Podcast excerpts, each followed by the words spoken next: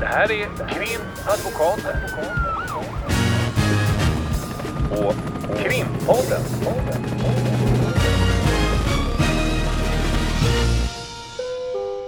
Parter och ombud kallas till sal 32. Hej Lotta! Hej Ulrika! Eh, idag så skulle jag vilja eh, prata om den här eh, SVT-dokumentären som, är, eh, eh, som är väldigt, eh, har blivit väldigt omskriven och omdiskuterad. Den heter Att rädda ett barn. Ja. Har du sett den? Ja. Det är tre avsnitt och ligger på SVT Play. Shoot! Eh, ja, den har ju blivit väldigt omtalad. Eh, jag brände faktiskt alla tre avsnitt efter varandra. Den är uppbyggd på ett sätt också som gör, tror jag, att man, eh, man blir väldigt tagen och, och man kanske kastar sig mellan olika uppfattningar eh, med tid i den här dokumentären. Ja, Eh, jag sen- rekommenderar också faktiskt att och, och titt, eh, kolla på alla på en gång om man har möjlighet. För att det, det är... Eh, det, jag gjorde faktiskt inte det. Nej. Därför att jag tittade på det första avsnittet när det bara låg ett ute. Men eh, sen när jag har rekommenderat andra att titta på den så har jag sagt kläm alla tre om, om det går. Därför att då får man ett lite mera... Alltså, som du säger, i, i första avsnittet är det på ett sätt och i andra börjar det likna ett annat sätt och i tredje så får man på något sätt facit. Det är ganska bra att, att se allt på en gång. Ja, jag tycker det. Sen är jag säkert lite så Netflix-skadad att man vill dra allting på en gång och inte hålla på och vänta en vecka som man gjorde förr. Liksom.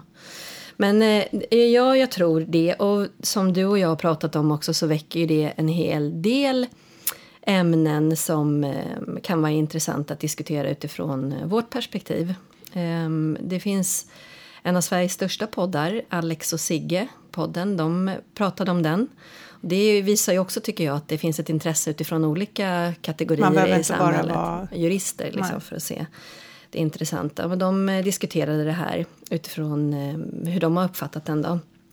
Eh, och var också väldigt, som de sa, gripna över hur det skildras och, och Vi kanske ska säga det innan vi börjar babbla vidare att vad den handlar om det, om man nu faktiskt inte har sett den och är intresserad av att se den så handlar det om en eh, pappa och en mamma som tvistar om vårdnaden när det gäller det gemensamma barnet, en son.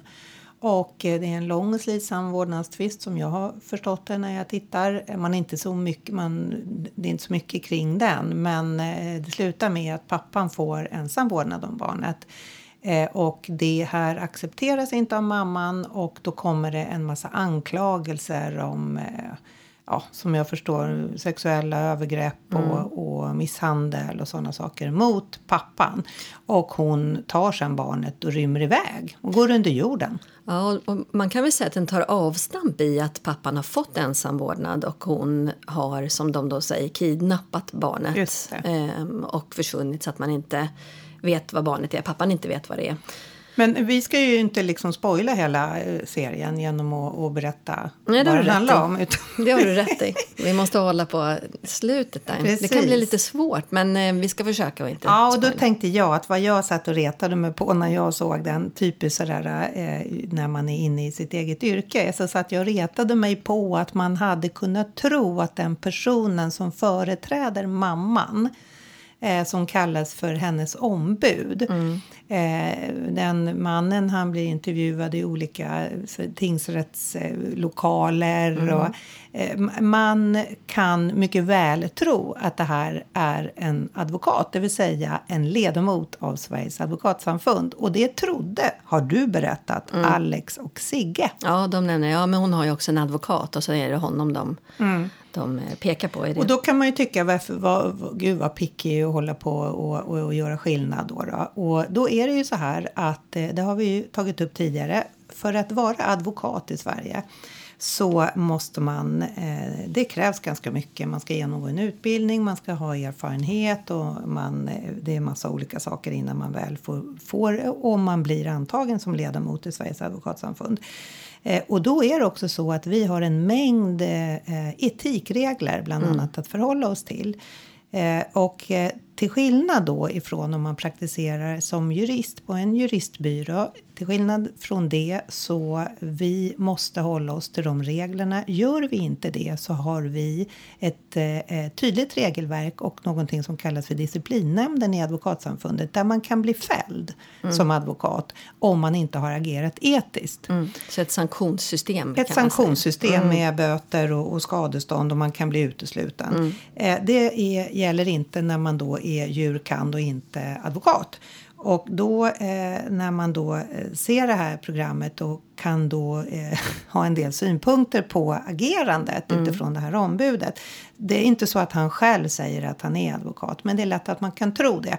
Och då vill jag också varna alla som eh, säger att de är advokater, även om inte han gjorde det. Det är nämligen så att det är en skyddad titel och det är inte bara något varumärkesskydd. Utan vad det handlar om att om man falskeligen utger sig för att vara advokat, ledamot av Sveriges advokatsamfund, eh, utan att man är det då som sagt, då är det ett brott. Och då kan man dömas straffrättsligt för det brottet. Och det här är ju givetvis ett skydd också för den enskilde att när man anlitar en advokat så kommer det vissa rättigheter eh, i samband med det. Däremot måste jag säga då, som du sa, han anger sig inte för att vara advokat så han har ju inte begått brott men det är Nej. bra att vi informerar om det. Ja. Eh, men man har ju också som advokat då den här lojalitetsplikten gentemot sin klient vilket innebär att eh, man heller inte eh, direkt ska ifrågasätta de uppgifter man får sin, av sin klient. Eh, sen kan man ha vissa synpunkter på hans agerande men han företräder ju eh, sin klient som ju är den här mamman då som, som har gått under jorden. Eh, ja, och, och han visar ju ändå en, en lojalitet. Ja, det får man måste man ju. Mm. genom. Mm. Eh, eh, men sen eh, vad jag tycker också är intressant. Det finns ju flera advokater i den här serien då eftersom mamman eh, blir ju misstänkt för ett brott när hon eh, tar barnet ur vårdnadshavarens vad ska man säga, alltså, ur hans hand. Hon tar ju barnet och, och för iväg barnet. Mm, hon går ju emot då domstolsbeslutet om, eller domen om ensamvårdnad som har tillerkänts pappan. Och det man ska säga utan att spoila är ju att, att eh, det framkom ju också att det har varit flera utredningar. Han har blivit polisanmäld från mamman som man får förstå. Ehm, och det har varit flera socialtjänstutredningar utifrån orosanmälningar som också enligt dokumentären kommer då ifrån mammans håll. Ehm, och baserat på de uppgifter som har eh, varit i målet så har domstolen då fattat beslut om ensamvårdnad för pappan. Mm. Och då är, är det ju så att om man då tar ett barn från en ensam vårdnad, vårdnadshavare så begår man ett brott som heter egenmäktighet med barn. Man kanske kan tänka att eh, man kan relatera det till eh, man kollar på nätet så finns det ju ganska mycket skriverier kring att en, en svensk mamma och en utländsk pappa har ett barn. Pappan för ut barnet till eh, långt bort i stan. Och, och det är så förskräckligt. Och det ju, kan det ju vara. Men i det här fallet så ser det ju inte ut så. Utan det här sker ju då i Sverige. Eh, och, Och det händer ju också ska sägas men det brukar inte uppmärksammas på samma sätt som när det är fråga om ett annat land. Liksom. Men, eh, och då finns det ju såklart utan att spoila en massa olika advokater. Eh, men eh, innan vi går in på det så kanske vi ska prata lite kring det här med om, om en domstol har dömt till att det ska vara ensamvårdnad. Eh, ska man kunna förlita sig på det eller liksom vad, om man säger lite utan att avslöja för mycket? Det är ganska Det blir tydligt. en balansgång här för att inte... Men, Ja, men, vi har ju den eh, här gruppen Bry som eh, Ja. florerar i det här pro- programmet. Ett är ju antal människor som helt har svalt mammans uppgifter. Ja, det är, inte, ja, det är dels den här organisationen som ehm, vad ska man säga, åtnjuter någon sorts respekt i, i etablissemanget, eh, Bry då. Ja, de är ju som, där i riksdagen och får Ja. prata och, och, och det handlar om att värna barns rätt. Och, Ja, och det är väl bra att, förvisso att man ska värna barns rätt men när det finns en, en tydlig dom som eh, uppenbarligen man inte riktigt har tagit till sig så Ja, så, och, och här då ifrån den organisationen så ifrågasätter man eh, eh, domen och det tror jag är redan i första avsnittet. Man kan, vi kanske ska säga så, vi måste ju kunna prata om, även om det blir spoilat, men då, om man absolut vill se den här så får man pausa det Det är här ingen avsnittet. deckare. Man får pausa det här, vårt snack. Ja. Och så får man bränna de här tre avsnitten och sen komma tillbaka till vår podd. Så får vi göra. Mm. Okej. Så att nu, ja, spoiler alert får vi säga då. Vi måste ju kunna prata fritt. Men eh, jag tror att det är, det är dels det att den här Bry-organisationen går in, engagerar Bry? sig. Eh, det säger du. Nej, jag kommer inte ihåg det. Nej, det får vi kolla på. Bry. Ja. Eh, men ehm, eh, dels går de in, engagerar sig och då går emot och ifrågasätter den här domen och menar att den är, är baserad på, på felaktigheter och att man eh, utifrån eh, domstolens håll inte har tagit fasta vid då de, de eh, omständigheter som faktiskt då enligt Bry och enligt andra som jag kommer in på ska vara för handen. Det finns ju också en terapeut som får en väldigt stor roll i det här och som då först är Ehm, i sitt sätt att prata på något sätt anger att han har pratat med det här barnet. Och det ska man ju också ha med sig att vi har ju en, en barnkonvention som nu är lag i Sverige och vi har en, en ehm, lagstiftning som är utifrån barnets bästa. Och i de här vårdnadsmålen så är det barnets bästa som ska vara i fokus och som ska vara det man utgår ifrån. Det är inte föräldrarnas rätt till barnet utan det är barnets rätt till en, ett gott liv, om man ska uttrycka sig på ett... Med lämpliga till- vårdnadshavare. Med lämpliga vårdnadshavare, precis. Eh, och då är det den här terapeuten som också går emot det och, och em, som det ju framkommer helt accepterar mammans berättelse och beskrivning av pappan. Och där nämner man då de här sexuella övergreppen. Man nämner honom, benämner honom pedofil fast det inte finns egentligen då vad jag förstår någon, någon dom eller någon pågående utredning i den delen utöver Nej, som jag förstår så är eh, det finns inget åtal. Det, det, det finns nedlagda misstankar bara på hennes påstående. Bara mammans påståenden och den här terapeuten då när man kommer lite längre in i programmet så säger han ja men det är en väldigt klok mamma, väldigt intelligent och, och att man liksom gör en sorts trovärdighetsbedömning. Det, det är intressant att man agerar utifrån det. Men låt så vara. Jag menar, det, det har ju vi båda i olika mål eh, konfronterat så kallade professionella som, som eh, tar ställning för endera part. Så kan det vara. Och då brukar man ju utifrån vårt perspektiv, som, eller från domstolens perspektiv, tar man ju även in då andra så att, det liksom så att det blir någon sorts möjlighet att göra en objektiv bedömning. Men här är det då dels den här terapeuten, det är företrädaren för Bry, grundaren för Bry också och sen är det en gammal, eh, nej det är ofint att säga, men en, en eh, kriminalinspektör som har jobbat sedan länge, före detta som eh, har, menar har, att hon har en, en gedigen erfarenhet av framförallt sexualbrottsutredningar. Och de engagerar sig och går emot domen.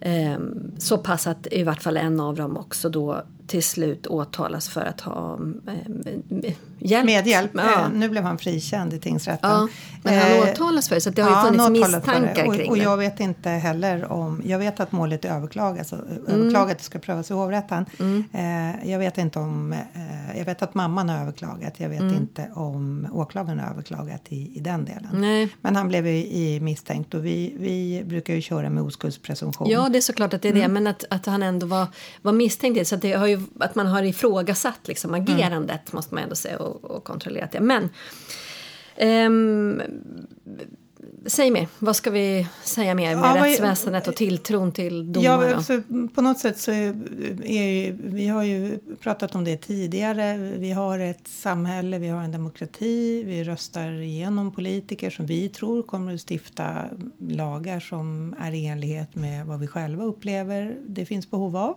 Och det sker ju genom riksdagen. Och riksdagen kan ju inte gå ut och, och sitta och döma människor hit och dit, vare sig brottmål eller vårdnadsmål eller andra typer av mål. Utan då har man ju domstolsväsendet som är till för att hantera den saken. Att, att lagarna ska följas helt enkelt. Och eh, här har då eh, domstolar kommit fram till att eh, den lämpligaste vårdnadshavaren i det här fallet är pappan. Och då eh, blir det, som det framkommer i den här serien, det blir ju att de anser väl att de gör någon sorts eh, liksom civilt motstånd och att de har rätt till det här. Och, och så kan det ju vara i många fall att, att man helt enkelt sätter sig upp mot lagen och sätter sig upp mot beslut och, och oftast då kanske säger att det är en nödsituation och, Och då kan man ju bli ansvarsfri straffrättsligt om det nu är en nödsituation. Men eh, det, det som vi har reflekterat över och, och, och vad man kan se det är ju eh, det beklagliga i att eh, de personerna som har backat upp den här mamman och stöttat henne är ju eh, inte insatta i hela bilden. Och det är ju inte vi heller, Nej, därför att vi är inte insatta i det här målet. Men en domstol som har dömt i ett mål, i ett vårdnadsmål, ska ha hela bilden framför sig. Och ett vårdnadsmål är ju det som kallas för ett indispositivt mål. Det betyder att parterna själva kan inte komma överens eh, om hur det ska vara om det är fullständigt plingplong det man kommer överens om. Utan domstolen kan till och med sätta sig på parterna och säga att ni får inte bestämma det här utan det är vi som bestämmer det här. Eh, och då är det så att eh, domstolen ska ju ha alla fakta på bordet och det är ju inte alltid att de har det. Men parterna får ju presentera. Oftast är det ju utredningar från socialtjänsten och det är vittnesmål från båda sidor. Och målet ska vara genomgånget och de ska sitta på en bra informationsbasis för att sen titta på vad är barnets bästa här. Och, Och då- båda sidor Båda har ju sidor. möjlighet att presentera i stort sett all den bevisning som man, Precis. som man anser visa på då, sin uppfattning. Och då eh, har man då eh, kommit fram till det här som sagt att det ska vara ensam vårdnad för faderns del. Och eh, då de här som då hjälper henne, vi menar inte då att de hjälper henne att fly och allt det här, det behöver vi inte Nej. spekulera i. Men står bakom henne och de står och demonstrerar utanför tingsrätten och de har en hemsida, de här Bry, där de lägger upp eh, saker som får mitt hår att resa sig på huvudet. Eh, eh, och det är påståenden om den här pappan som är, är eh, skandaliserande och förskräckliga kan man säga när man har tittat på det där. Eh, eh, och så kommer det fram i serien, i sista avsnittet kommer det fram i serien att eh, den här företrädaren och grundaren av den här organisationen Bry då, hon har ju inte ens läst handlingarna. Inte, hon, har, hon har läst lite vad hon har, har haft tid med helt enkelt. Och då har de på vad en, en person säger, i det här fallet mamman, helt gått på den linjen och he, går emot eh, att hon är ju, eh, när hon drar iväg då, då sker det ju en polisanmälan och hon är då eh, efterlyst och, och det, det pågår polisspaningsarbete. Och ändå så anser man att hon har rätt någonstans att göra det här. Man, man ska ju säga det att det Bry har gjort är egentligen inte bara att också då propagera för det här utanför rätts, alltså utanför domstolen och, och i den här dokumentären utan också under en längre tid vad man får förstå utifrån dokumentären också lagt upp på sin hemsida och på sociala medier och drivit det här fallet utifrån den, den uppfattningen. Att det är Och förskräckligt att det här uppviglat. barn, att uppviglat, precis. Och man får ju se i sista avsnittet så eh, kommer det ju en, till domstolen en massa Ja, det som eh, slarvigt kallas för foliehattar. Det kommer ju en, en, alltså det finns ju de med massa olika agender då som har tagit till sig det här fruktansvärda ärendet och, och den här eh, stackars barnet som eh, blir utsatt för det här och det svenska samhället hjälper inte det här barnet och, och hit och dit. Och det som är intressant är ju också att, att de här människorna har, de flesta har en egen agenda och så, så kan man sammanstråla kring, kring det här förskräckliga ärendet. Och, och det är ju en mängd människor som har, när man har demonstrationer där och så, som är, har, en, har uppfattningar som man ibland kan undra var de kommer ifrån. Ja, så är det. Och, och, sen är det lite så, det, hela den brottsmisstanken som framförs härifrån från eh, de här involverade parterna och då baserat på, på mammans uppgifter. Och, och nu vet ju inte vi hur mycket som är tillagt och hur mycket som det lätt blir i den här typen av häxjakt eller vad man ska säga. Alltså, så fort det är sexuella övergrepp mot barn så blir människor väldigt, väldigt känslomässigt berörda. Och, och det är ju egentligen någonting bra. Alltså det är ju att vi alla har någon sorts eh, drift, drift att skydda barnen. Men Och därför är det ju ännu viktigare Exakt. att man överlämnar det till det som kallas för de rättsvårdande myndigheterna. Ja. Att, att det inte blandas in allt för mycket starka känslor. Precis. För det, det har vi pratat om tidigare också, väldigt mycket refererande till tidigare. Att eh, blir ens eget barn angripen av någon rövare på stan, det är klart att man skulle vara där och, och ja, jag, vet, jag kan ju inte säga vad man skulle göra, men det säger sig ju själv. Kanske inte helt Och vi slipper, helt nej, precis, och vi vet ju det att då har vi istället polis och åklagarmyndighet och domstolar som, som agerar åt oss Ja. när man inte blir så känslomässigt affekterad.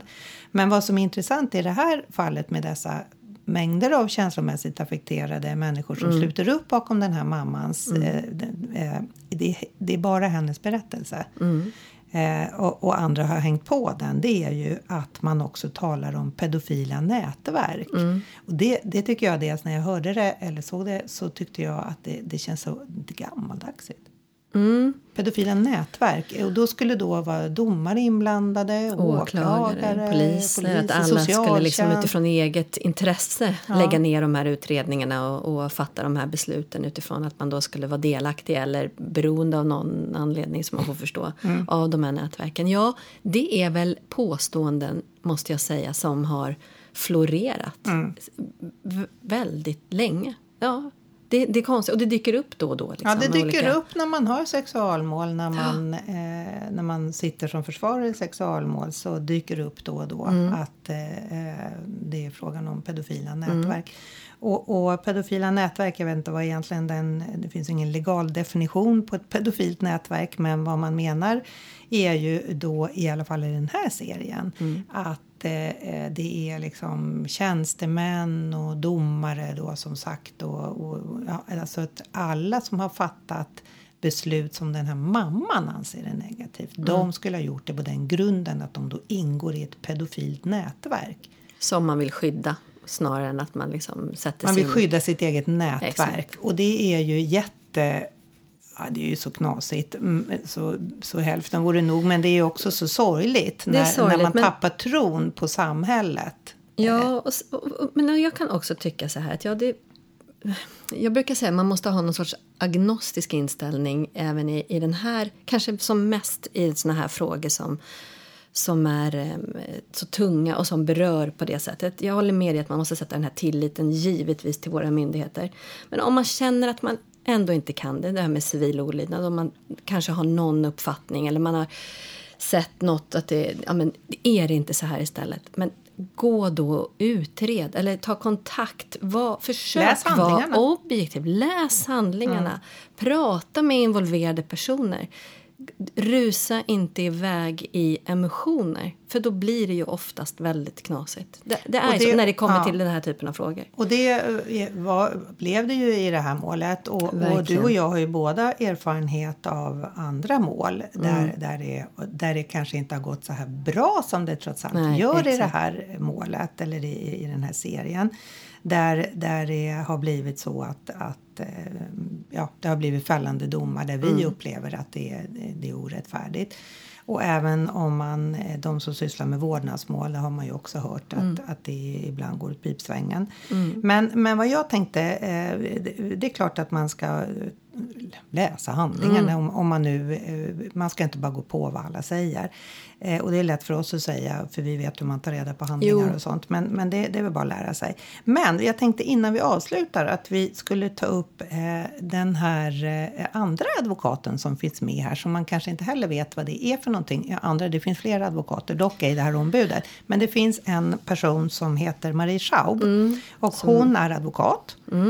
Eh, och hon är någonting som kallas för särskild företrädare för det här barnet i brottmålet som handlar om att mamman då är misstänkt för att ha fört iväg barnet från vårdnadshavaren. Så det är ju ett brottmål. Ja, och jag tror vi bara ska vara tydliga för de som inte är helt eh, uppdaterade i hur det funkar rent juridiskt så är det då ett vårdnadsmål. Precis som du sa, det är en annan ordning så att säga. Då har man sitt ombud, en advokat eller en jurist som företräder föräldern. Sen i och med att mamman då går emot den här domen så blir det ett brottmål angående egenmäktighet med barn, grovt egenmäktighet med barn tror jag till Som är ett brott. här. Som är ett brott. Och då får den misstänkte eller så småningom den åtalade en, en försvarare och eh, man får ett målsägande beträde. Eh, barnet fick en särskild företrädare. och det är Marie Schaub, då, advokaten, som var särskild företrädare. Och beskriv, vad innebär det då?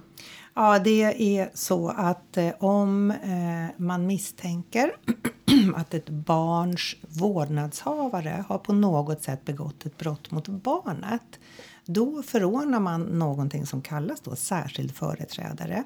Och det är en advokat eller en, en jurist som eh, ska eh, tillvarata barnets intresse så som att advokaten vore vårdnadshavare. Mm. Mm. Det vill säga, så här fungerar det ju att eh, om någon begår ett brott mot ett barn som mm. är en person som inte är vårdnadshavare för barnet. Till exempel om det är någon lärare som nyper en unge i kinden så det gör ont i skolan och man gör en polisanmälan. Då kan barnet få ett målsägande beträde en jurist eller en advokat som ska tillgodose barnets eh, rättigheter och lite så. Men då är man ju ett ombud eller ett biträde som det kallas. Mm. Men när det finns en misstanke mot en förälder, det vill säga en vårdnadshavare, då är det ju så att man förordnar en särskild företrädare som får gå in och bestämma mycket mer. Det vill säga om det är en lärare som har nypit någon i kinden och polisen vill förhöra barnet.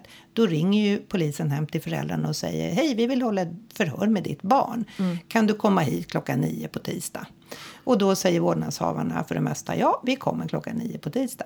Mm. Men om det är så att en av föräldrarna eller båda föräldrarna är misstänkta för brott mot barnet, då fungerar det ju inte praktiskt sett att ringa hem till föräldrarna och säga hej, eh, du och, och, din fru här är ju misstänkta för brott mot barnet, eh, så vi vill att barnet ska komma på förhör på tisdag klockan nio. Om man skulle göra det finns det en ganska stor risk att föräldrarna försöker påverka barnet eller att barnet blir utsatt för bestraffning eller någonting sånt. Så därför förordnar man en särskild företrädare som eh, domstolen förordnar Samtidigt som man eh, ifrån polisens sida tar kontakt med den advokaten eller juristen och kommer överens om är tid för det här förhöret som ska vara då föräldrarna inte blir tillfrågade. Mm. Och sen blir det lite logistikövningar. Den här särskilda företrädaren hämtar barnet eller att skolan lämnar barnet. Man kommer överens om en lämplig lösning som är i enlighet med barnets bästa. Och helt, föräldrarna ska inte känna till föräldrarna den här planeringen. inte känna till den här planeringen. Så oftast när man är särskild företrädare så handlar det om att barnet ska komma direkt från skolan eller direkt från dagis till polisförhöret. Mm. Och sen utan att föräldrarna vet om det. Och sen när förhöret är avslutat då informerar polisen vårdnadshavaren om att det har varit ett förhör. Mm. Och en särskild företrädare har också eh, andra befogenheter, till exempel om man ifrån polisens sida vill göra en gynekologisk undersökning på ett barn eller om man vill göra en, en kroppslig undersökning om, om man misstänker att ett barn har blivit utsatt för brott så får särskilda företrädaren i vissa, i vissa situationer om man bedömer att det behövs gå emot mm. det beslutet och säga det här barnet eh, pallar inte det just nu eller vi får mm. avbryta det här förhöret för det fungerar inte och, och man bevakar barnets intresse. Mm, ganska långtgående. Man mm. kan också stoppa förhöret och man kan också säga att det inte det är inte bra för barnet att hämta barnet vid det här tillfället. Nej, och det ska inte, eh, den här undersökningen ska inte barnet behöva gå igenom Exakt. nu eller också aldrig eller mm. senare och, och så. Mm. Och då är det ju så att i det här målet som vi pratar om i den här tv-serien Att rädda ett barn. Den särskilda företrädaren hon blir ju intervjuad i de flesta av de här tre avsnitten. Och hon är väldigt vettig tycker jag när jag mm. lyssnar på henne. Hon är redig och tydlig och hon talar också om hur eh, utifrån barnets perspektiv. Det är mm. hon som bevakar barnet mm. i det här. Hon är väldigt tydlig med det. Hon är, mm. gör ett väldigt tydligt och Hon har ingen in. annan lojalitet Nej. än barnet. Mm barnets mm. Loj eh, mm. lojaliteten mot barnet och eh, finner ingen anledning att slira runt i vad föräldrarna tycker i det här. Mm. Utan vad hon gör är att hon tittar utifrån på ett lite mer objektivt sätt. Vad är det här barnets bästa? Och sen eh, agerar hon utifrån det. Fördelen i den rollen också med tanke på det vi var inne på tidigare att man bör läsa på och så vidare är att hon också har tillgång då till de här handlingarna som Precis. kanske är sekretessstämplade mm. eh, eftersom det är integritetskränkande om det kommer Och sen har hon också kontakt med det här barnet. Ja. Mm. Eh, eh så då eh, vad vi har eh, lärt oss nu här eh, inför nästa tenta det är att kalla sig för advokat när man inte är det. Det är straffbart. Eh, nu är det ingen som har gjort det i den här serien men det är lätt att man eh, missuppfattar det. Eh, och att vi har också eh, fått höra om det här med särskild företrädare och, eh, och sen har vi också... Vikten av eh, relativ objektivitet skulle man kunna sammanfatta Ja, det det, som. Eller? Men jag vill, jag vill lyfta en annan sak också nu innan vi rundar av och avslutar. Det, det är ju en annan röst som faktiskt kommer fram i, i Eh, den här dokumentären. En, en kvinna som företräder en annan organisation som framförallt riktar sig mot anhöriga som har blivit anhöriga och personer som har blivit utsatta för sexuella övergrepp.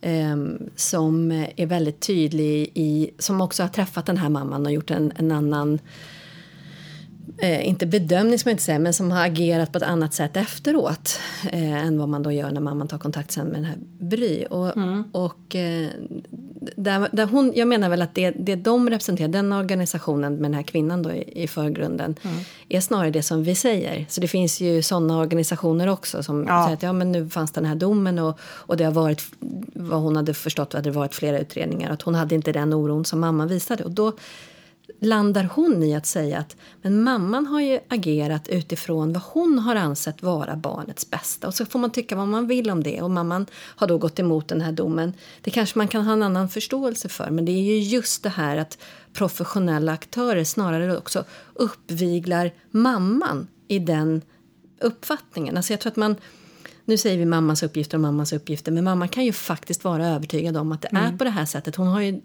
kanske en annan eh, rättighet till de emotionella, eh, som man då får förstå, överreaktioner. Eh, men det är ju just att professionella som hon vänder sig till måste ju också hjälpa henne att sansa sig, att kanske lugna sig i som jag kan förstå att man kanske får en panik i om man verkligen tror att det är på det här sättet. Men istället så uppviglar de med att hon kanske är då livrädd i den här situationen. Och att det, det är verkligen där ett ansvar ska ligga. Ja, om man, om man eh, arbetar, eh, oftast är det ju ideellt arbete och det, det finns kvinnojourer och det finns en mängd människor som arbetar ideellt. Att det är ju bra att försöka att, att distansera sig lite. Mm, de har ju en viktig uppgift både i att, att fånga upp människor som faktiskt på riktigt befinner sig i såna här svåra situationer men också att när man kan ifrågasätta det på något sätt fånga upp de här känslorna och hjälpa en person att hitta stöd i, i, i det som, som eh, kan leda så fel. Nu, nu dömdes ju den här mamman. Liksom. Det hade kanske kunnat, man hade kanske kunnat komma till rätta med att hon, hon sökte sig till väldigt många så kallade professionella aktörer som hade kunnat kanske göra någonting annat. Och, och, så att det inte behövde hamna i ett brottmål. Ja, och så som jag förstår när jag har tittat på serien så söker hon sig eh, till den här som du sa från början då. eh, Som, exakt. som är, försöker att ha en lite mer nyanserad bild av det hela. Och då söker hon sig vidare och sen till slut så hamnar hon då eh, hos de här Bry där hon får få med sig dem helt enkelt. Ja, men det är ju även representanter från socialtjänsten i, i stadshuset och det är ju flera som liksom går med i den här eh, processen. Ja, Jag försökte, sam- jag försökte, om jag låter som att jag inte riktigt är med här så, så eh, beror det på att jag försöker att få fram här vad bry betyder. Men det står bara på deras hemsida att eh, det står det bry och sen står det barns rättsskydd. Precis, det är det det. Barns Jag- rättsskydd. Jag får inte, jag får inte riktigt rättsskydd. Yd, ja, okej. Men, ja. Så är det med det. Ja. ja, men då har vi sammanfattat eh, lärdomen av den dokumentären. Och som sagt, vi, även om vi nu har spoilat så rekommenderas det att man, man tittar på den. För jag tror att det är lärorikt eh, utifrån alla perspektiv, hur det faktiskt kan gå till. Och man kanske efter den får en, en känsla av att man, man bör tänka efter innan man rusar iväg i, i en, en uppfattning om någonting som man kanske inte riktigt har inblick i. Där det faktiskt också i det här fallet handlar om ett, ett barn som eh, har Verkligen. nog präglats ganska starkt av de här starka känslorna som har funnits under den tiden också som han har varit påverkad av det. Så man tänker att det finns ju en, en människa i det här också som kanske inte har mått så bra. Nej, så är det.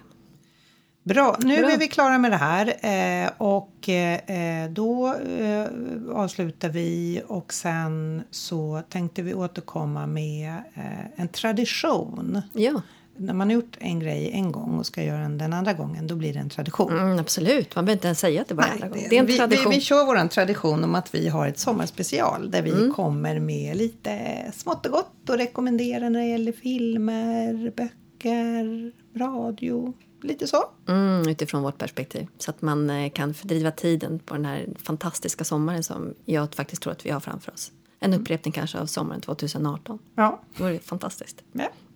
Hej då. Hej! Krimpodden.